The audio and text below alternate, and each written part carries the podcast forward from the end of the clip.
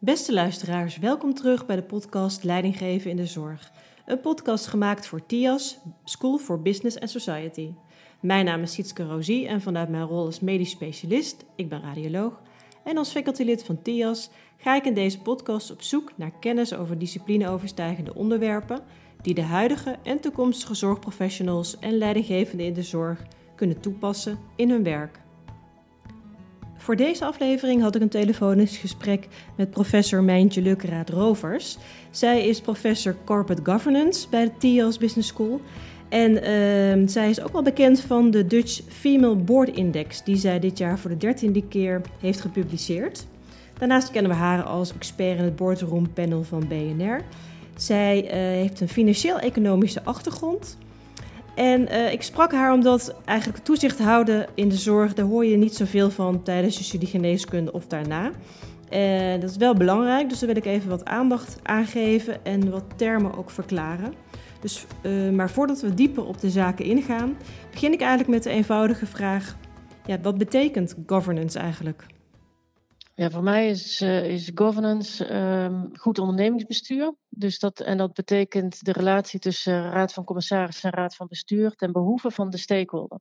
Dus er wordt heel vaak gezegd uh, de relatie tussen Raad van Bestuur en Raad van Commissarissen. Dat wordt ook vaak geregeld in, um, in governance codes.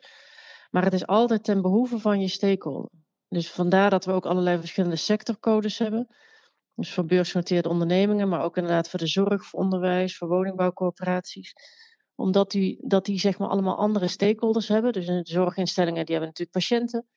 Woningcorporaties hebben huurders. Um, onderwijsinstellingen hebben scholieren en hun ouders bijvoorbeeld. En het maakt nogal uit, bijvoorbeeld als je het hebt over criteria voor de onafhankelijkheid.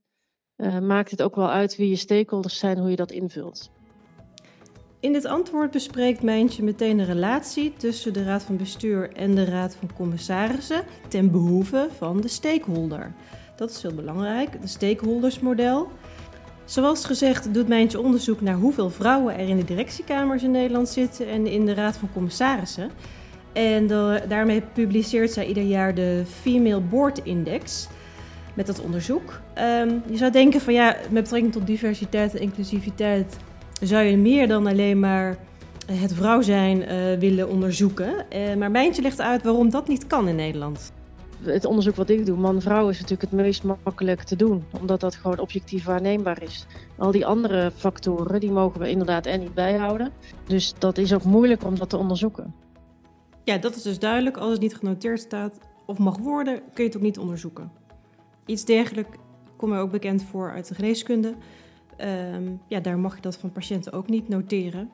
Dus uh, een aantal onderzoeken kan je dan ook niet uh, doen op dat vlak. We gaan door met wat basisvragen.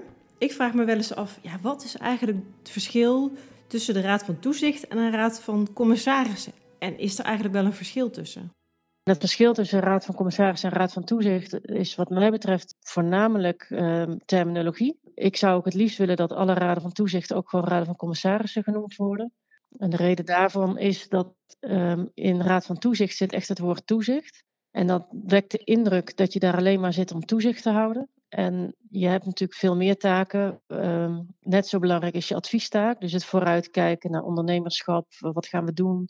Uh, innovativiteit, uh, je strategie. Dus dat zit heel erg ook op het, op het adviesrol, het. Um, en in de Raad van Commissarissen zit dat woord niet. Dat is, commissaris is gewoon een apart woord. Daar hoef je niet per se meteen aan, aan, aan toezicht te denken. Dus voor mij is het verschil is er niet. Een jurist zal er misschien net iets anders over denken. Maar voor mij is er gewoon geen verschil. En um, je ziet ook dat bijvoorbeeld bij woningcorporaties hebben ze een paar jaar geleden ook echt het woord Raad van Toezicht veranderd in Raad van Commissarissen. En wat mij betreft zou dat ook bijvoorbeeld bij zorginstellingen kunnen.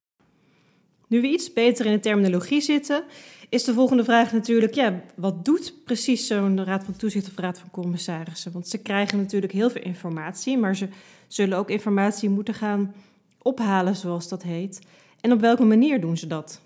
Je hebt een informatiehaal en je hebt een informatiebrengplicht. Dus um, de brengplicht is veel meer dat, het, dat inderdaad de directie of de raad van bestuur, die is verplicht om bepaalde informatie aan de raad van toezicht of de raad van commissarissen te brengen. Uh, maar je kan niet als commissaris je verschuilen achter uh, van ja, maar ik heb die informatie niet gekregen. Ik heb dat niet gezien, ik heb dat niet geweten, zeg maar.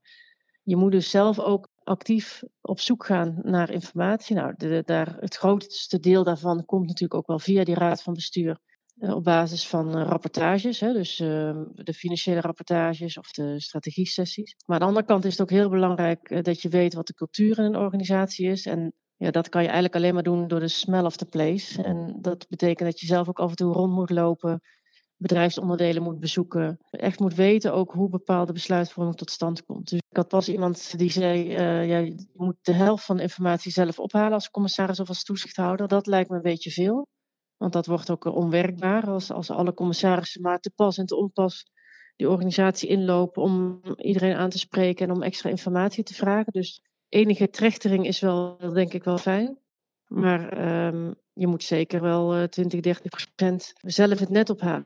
Ja, dus gewoon kijken wat, wat wil je weten, rondlopen, bedrijfsprocessen begrijpen, het productieproces begrijpen. Dus je kan niet meer, en dat was tien jaar geleden nog wel een beetje het idee. Dan kwam je inderdaad langs bij die vergadering, je las je stukken en je ging na afloop weer weg. Maar dan wist je eigenlijk niet concreet waar het echt over ging. Uh, en dat is steeds belangrijker geworden. Dus inderdaad die organisatie ingaan, en begrijpen hoe, uh, waar de pijnpunten zitten, waar het lastig is. Met, ook met je stakeholders praten, dus zowel met de klanten als de medewerkers. Van wat speelt hier nou eigenlijk? Hoe, hoe voelt het hier? De medewerkers en de stakeholders van zo'n zorgorganisatie zijn natuurlijk op bepaalde manieren ook weer georganiseerd. Uh, bijvoorbeeld een uh, cliëntenraad, maar ook bijvoorbeeld een MSB, een medisch specialistisch bedrijf. Uh, worden daar ook gesprekken georganiseerd tussen die organen en de Raad van Toezicht? Ja, zeker. Dat, en dat is dan meer georganiseerd. Hè. Dus ik, ik zou inderdaad me voor kunnen stellen dat ze daar één keer per jaar uh, een formeel gesprek mee hebben. Met een deel van de Raad van Commissarissen of apart. Maar daarnaast is het gewoon ook belangrijk dat je bijvoorbeeld in een ziekenhuis gewoon ook af en toe de werkvloer op gaat. Dat je weet hoe, een, uh, hoe de patiëntenzorg is, hoe, het, hoe ziet het eruit? Is het, hoe lopen mensen erbij? Hoe kijken ze elkaar aan? Uh, zijn ze gestrest? Uh, is het gewoon weten waar de pijnpunten zitten, waar het moeilijk is, waar juist het heel goed gaat? Nou, zie je blije patiënten of alleen maar mopperende patiënten, dat soort dingen. Ik kan me voorstellen dat ieder lid van de Raad van Toezicht of commissarissen andere voelsprieten heeft bij het bezoeken van zo'n um, organisatie. Maar ik kan me ook voorstellen dat iedereen een andere expertise heeft, uh, die samen in dat team moeten zitten. Wat is jouw expertise? Ik ben zelf heel erg geïnteresseerd in twee onderwerpen. Eén, boardroom dynamics. Hè, dus wat, hoe, hoe gaan mensen met elkaar om? Hoe gaat die besluitvorming? Uh, cultuur van de organisatie en uh, lange termijn waardecreatie. Dus waar doe je het eigenlijk voor en wat willen we uiteindelijk opleveren als organisatie? En, en dat betekent dat je nog net iets meer vragen stelt over uh, wat zijn onze stakeholders, wat zijn onze prioriteiten daarin, welke keuzes maken we en wat betekent dit op de langere termijn. Dus dat is een beetje, als, je, als, als ik een stokpaardje heb, is dat het. Deze interesse in boardroom dynamics bracht je ook tot het volgen van de studie psychologie zelfs. Uh, hoe ging dat proces om te besluiten om naast al je andere werkzaamheden ook nog deze studie te gaan doen? Nou, omdat ik dus zie in mijn vakgebied corporate governance dat heel veel te maken heeft met gedrag en cultuur. Dus in mijn colleges behandel ik al heel veel um, nou die boardroom dynamics. Wat, wat gebeurt er nou eigenlijk in die besluitvorming dat het af en toe fout gaat? En onze biases zijn daar een belangrijk uh, onderdeel van. Dus onze vooringenomenheid. Dus dat we groepsdenken, tunnelvisie uh, en allerlei andere vormen van bias. Uh, dus dat, dat was eigenlijk de trigger. En toen dacht ik van nou, dan ga ik eens gewoon af en toe een vakje doen. En ik vond het zo leuk dat ik uh, vervolgens mij heb gedacht van nou, ik ga die hele studie doen. En het is ook echt wel, want ik ben natuurlijk econoom. En uh, in mijn tijd was economie nog echt een rationele wetenschap. Uh, en langzaamaan zien we natuurlijk dat het gewoon eigenlijk ook een, uh, een gedragswetenschap is. Dus gedragseconomie is een opkomst. En ja, de combinatie psychologie en economie is denk ik super relevant. Naast Boardroom Dynamics heeft Mijntje als focus lange termijn waardecreatie. En ik vroeg me af hoe de aandacht op dit onderwerp en het ontstaan van deze term en dit begrip uh, ontstaan is. Ze gaf eerder al aan dat het betekent, hè, waar doe je het als bedrijf voor en wat wil je uiteindelijk opleveren. Maar hoe is dit concept ontstaan en wat houdt het precies in? Ja, we hebben in Nederland al heel lang het stakeholder-model. Dus wij gaan daar in principe al van uit dat wat wij doen als onderneming en op het gebied van de governance, dat we dat doen voor alle stakeholders en dus niet alleen de aandeelhouder. Wat in Amerika meer leidend is. Het shareholder model is dat. Alleen wat we zien is dat dat toch niet altijd tot bloei komt. Mensen zeggen het wel, maar we zien het niet. En dus is er in 2016 is dat woord lange termijn waardecreatie veel nadrukkelijker, in ieder geval in de corporate governance code verankerd.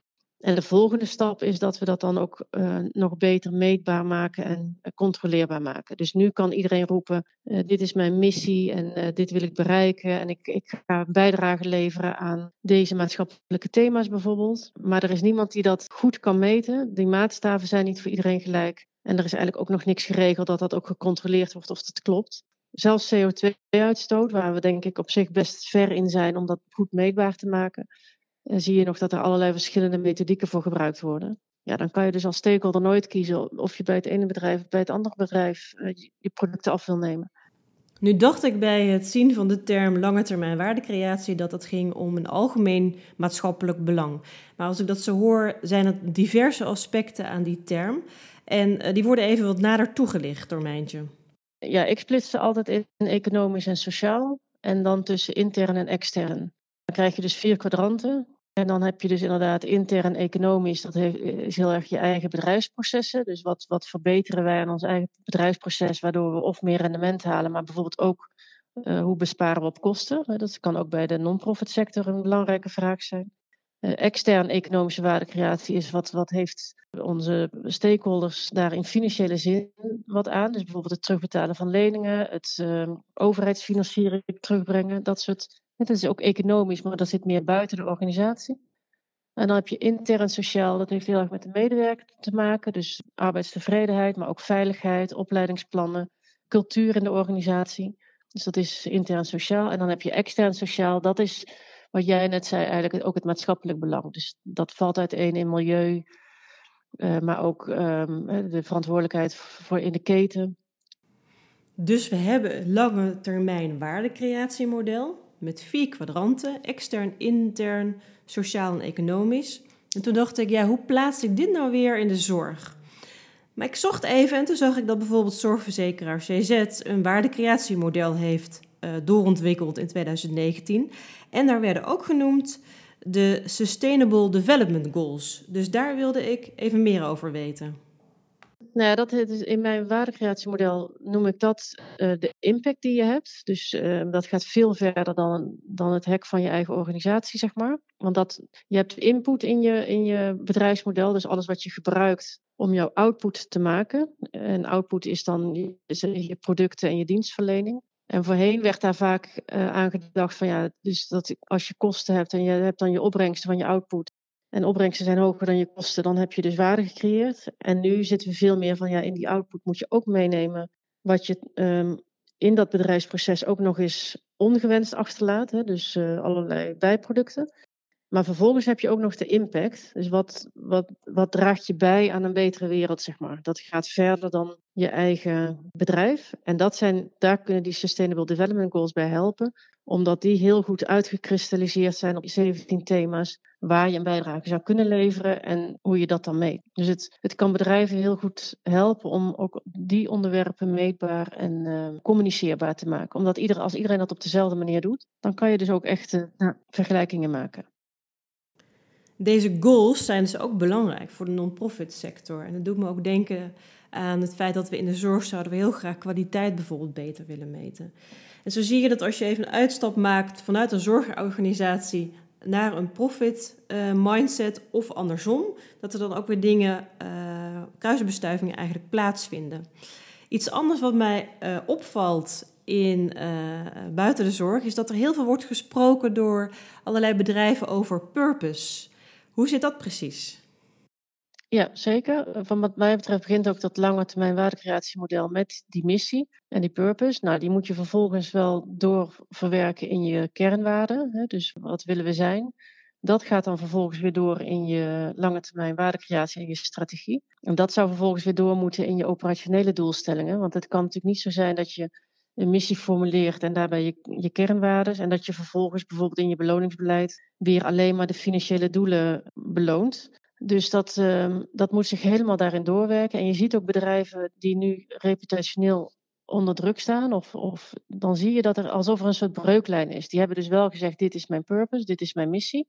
En we hebben deze kernwaarden, maar op het moment dat er iets gebeurt, laten ze dat zeg maar meteen los. En dan wordt hun verhaal ook ongeloofwaardig. Nou, die missie en die purpose en die kernwaarden en je strategie en je operationele plannen, dat richt zich heel erg op je eigen bedrijf.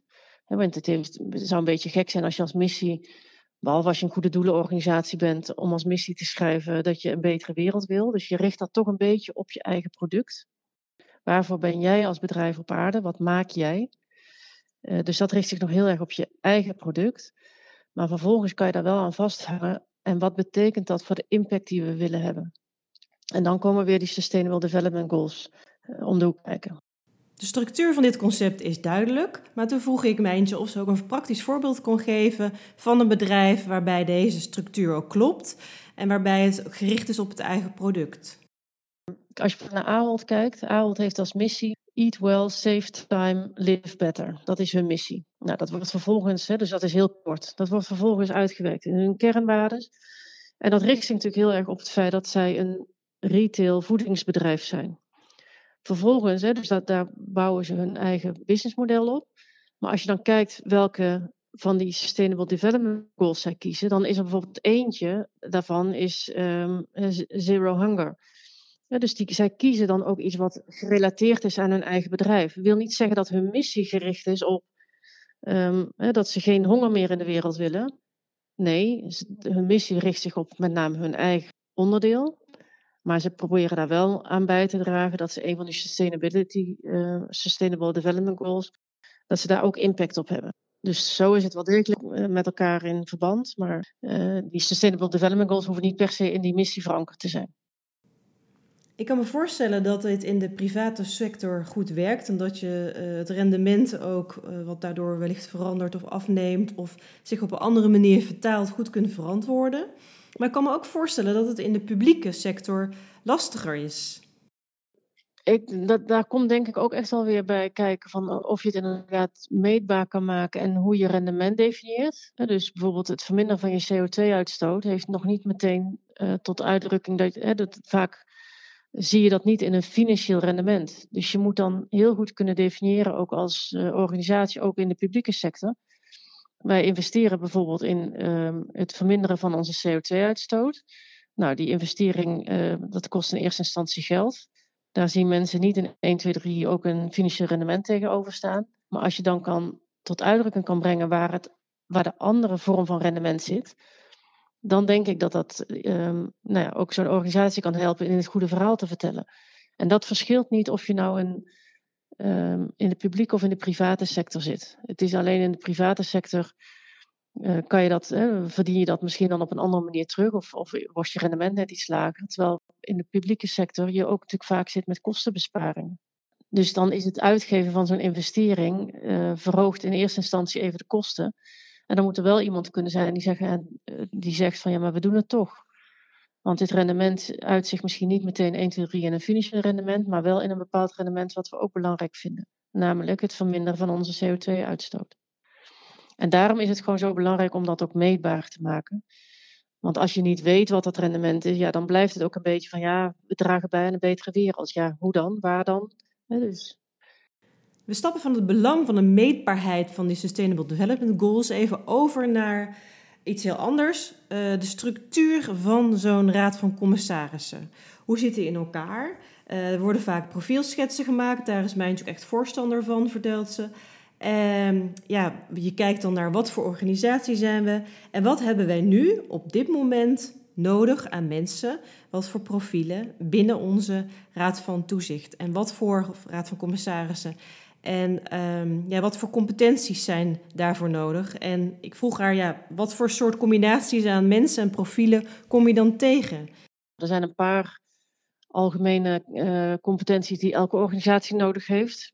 Ja, dus inderdaad, um, financiële kennis. Er moet er altijd een paar zitten met uh, oud bestuurderservaring. Het is altijd wel handig om iemand te kennen die ook een beetje de wet of de, de weg in Den Haag kent. Niet zozeer als als lobbyist, maar wel als wat, wat speelt daar nou, wat komt er op ons af? Uh, digitalisering is natuurlijk echt een onderwerp wat, uh, wat steeds belangrijker wordt, want ik denk dat er geen organisatie is die daar niet mee te maken heeft. Dus als je die kennis niet hebt in je raad van commissarissen of raad van toezicht, dan mis je echt iets.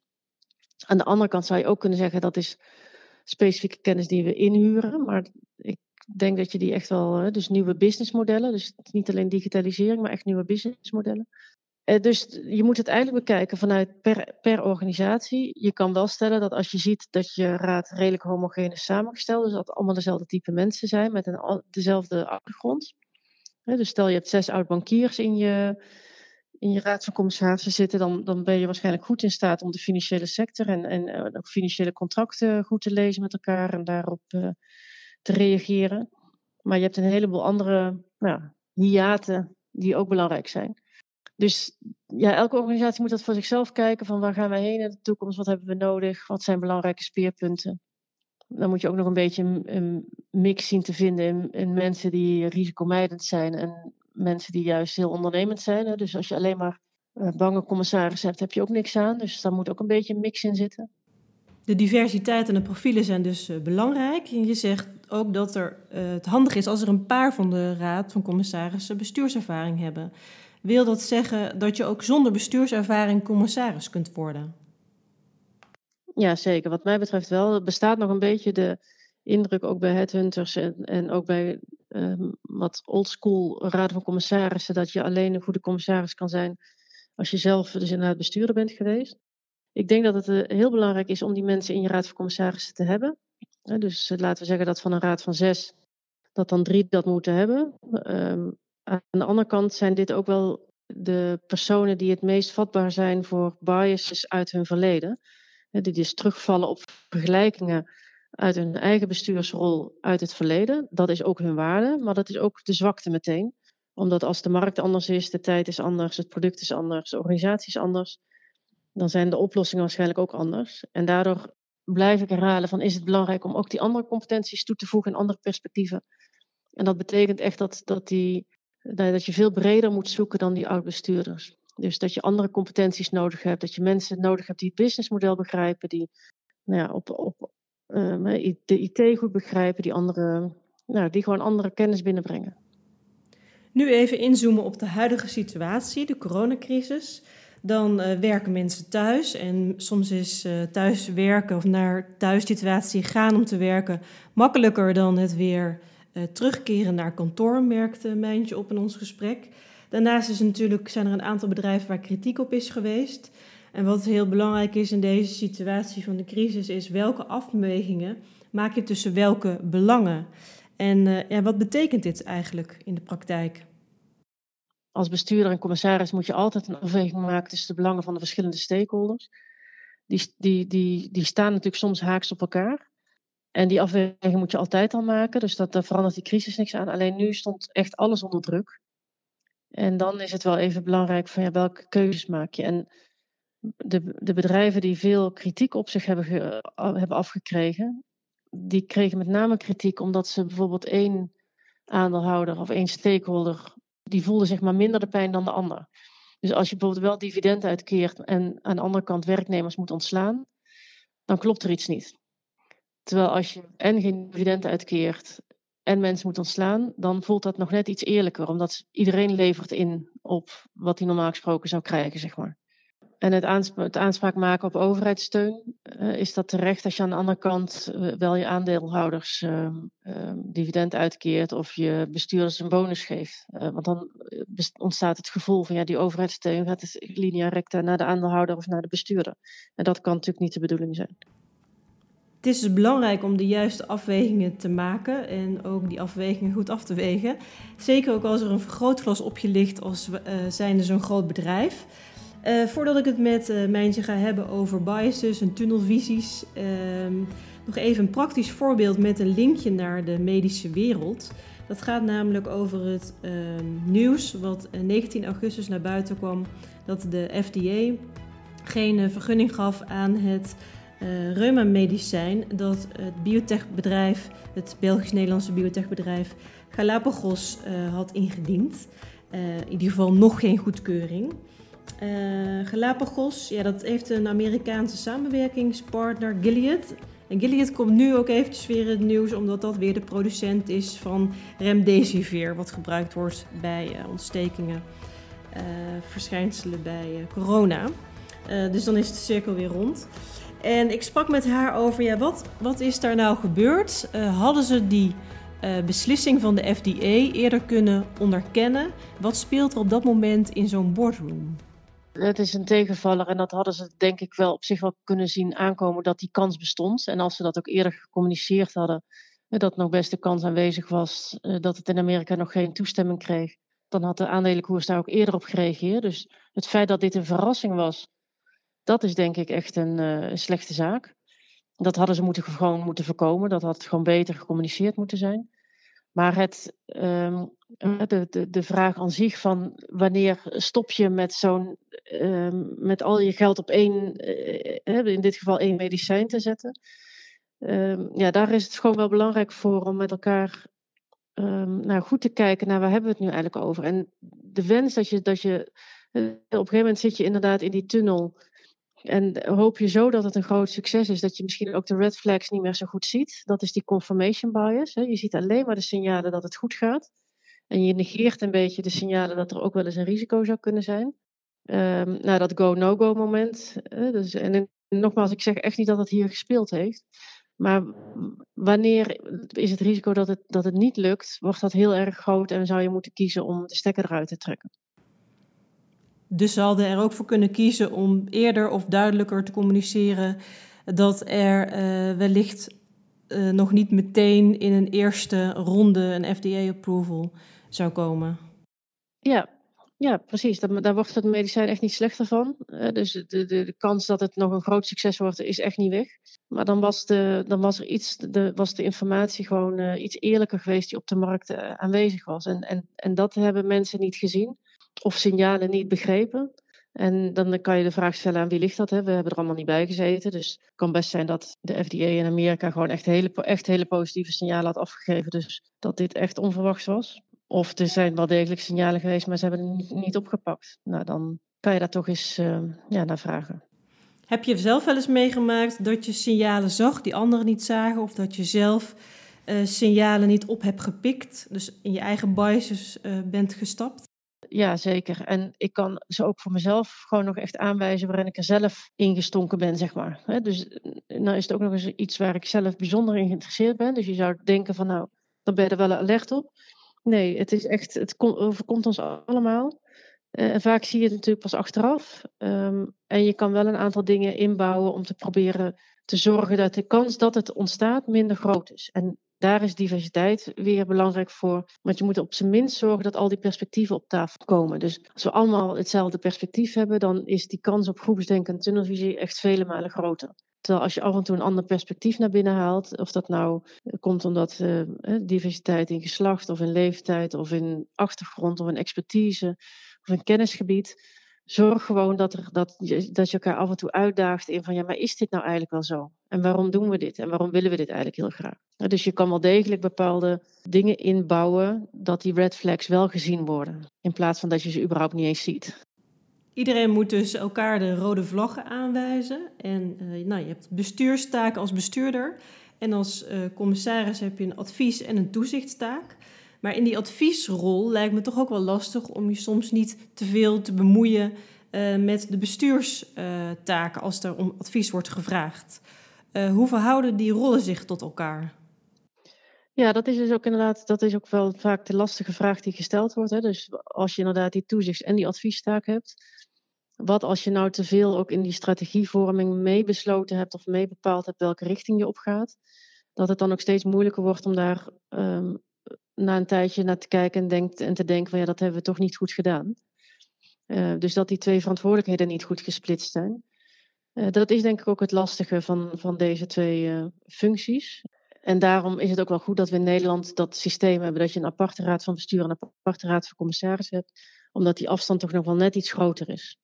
Dus bijvoorbeeld als het gaat over de strategie, de bestuur schrijft de strategie en de commissaris keurt hem goed. Dat wil niet zeggen dat je daardoor, daarmee niet een hele goede discussie met elkaar hebt over wat die strategie zou moeten zijn. Want die commissaris brengt natuurlijk ook kennis binnen die er in het, in de, in het bedrijf zelf niet zit. Ja, bijvoorbeeld uit het verleden of van andere sectoren. Maar het onderscheid tussen die twee rollen is uh, inderdaad wel belangrijk.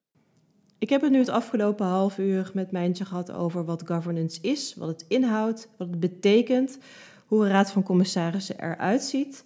wat de nieuwe ontwikkelingen zijn in het vak, over haar speerpunten, boardroom dynamics en lange termijn waardecreatie. En hoe je dat uh, kan invoeren binnen een bedrijf en hoe je daarop kan controleren vanuit een commissarisrol. Bij TIAS kunnen mensen terecht voor een toezichthouder- en commissarisprogramma en voor een beginnend toezichthouders- en commissarisprogramma. Wat zijn de belangrijke zaken die daar worden geleerd aan de deelnemers? Mijn uh, of van TIAS, dat, dat is denk ik één grote dilemma-training. Het is, bijna, het is geen exacte wetenschap, het toezicht houden. Maar je moet wel je realiseren dat, er, dat je altijd een keuze hebt tussen uh, naar links gaan of naar rechts gaan. En op, op welke gronden maak je die afweging. En dus dat je inderdaad ook die rolzuiverheid tussen bestuurder en toezichthouder goed begrijpt. Uh, en ook een stukje empathisch vermogen hebt. Dus dat je weet wat jouw gedrag met de ander doet. Dus als je een hele kritische, uh, risicomijdende, uh, zurende commissaris bent, dan ben je niet ook de meest inspirerende gesprekspartner als het gaat over uh, als de bestuurder een keer voor advies bij je komt. Dus het afwisselen van die rollen, het begrijpen wat, wat jouw vraagstelling doet bij de ander, ja, dat speelt een grote rol in onze, in onze opleiding. Ik heb even gekeken naar de lijst docenten van dit programma. En uh, het lijkt me ontzettend waardevol om door deze experts en ervaringsdeskundigen onderwezen te worden over hoe je dilemma's aanpakt in de rol van uh, commissaris. Is er nog een specifiek deelnemersprofiel waar je aan moet denken bij deze programma's?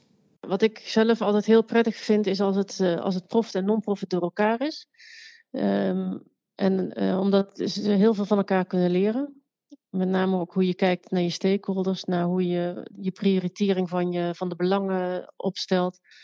Dus het is echt altijd een afspiegeling tussen profit en non-profit, tussen man-vrouw, tussen, ook wel tussen bestuurders en commissarissen. Dus wij vragen in het gewone commissarisprogramma dat, dat mensen al iets van ervaring hebben. En dat is bedoeld omdat ze dan ook dilemma's met elkaar kunnen delen. We hebben ook een beginnend commissaris- en toezichthoudersprogramma. En dat is echt bedoeld voor mensen die dus eigenlijk nog niet die dilemma's zelf hebben meegemaakt. En die dus dat ook niet kunnen delen. We krijgen meer een opleiding ook in, uh, nou ja, in, in de context waarin je opereert als commissaris. Dus daar zitten ook iets meer de hardere onderwerpen in, zoals de juridische, zoals de financiële aspecten. Maar is ook nog steeds uh, zeker de helft van de opleiding gericht op, op die boardroom dynamics. Omdat ik echt denk dat veel te maken heeft met gedrag en cultuur. Daarmee eindigen we deze podcast-aflevering van Leidinggeven in de Zorg over Governance met cultuur en gedrag. Eh, gedrag is natuurlijk een uiting van cultuur. En ik merk dat de soft skills toch wel erg belangrijk zijn in de gesprekken die ik heb over leidinggeven in de zorg. Eh, dus als zorgprofessional is het belangrijk om dat onder de knie te krijgen en ook als leidinggevende om er eventueel interventies op te kunnen doen. Um, ik wil graag Mijntje, Luceraat, Rovers hartelijk bedanken voor dit interview. En ik wil de luisteraars hartelijk bedanken voor hun aandacht. De volgende aflevering komt er snel achteraan. Um, die heeft weer een heel ander onderwerp dan, dan deze aflevering. En ik hoop dat jullie het leuk vinden om je te abonneren op mijn podcast. Ik hoop ook dat jullie delen met anderen dat dit een podcast is die je waardeert. Mocht je een review achter willen laten, dan uh, zou ik dat ook fijn vinden. En ik hoop jullie de volgende keer weer te mogen ontvangen. Dag!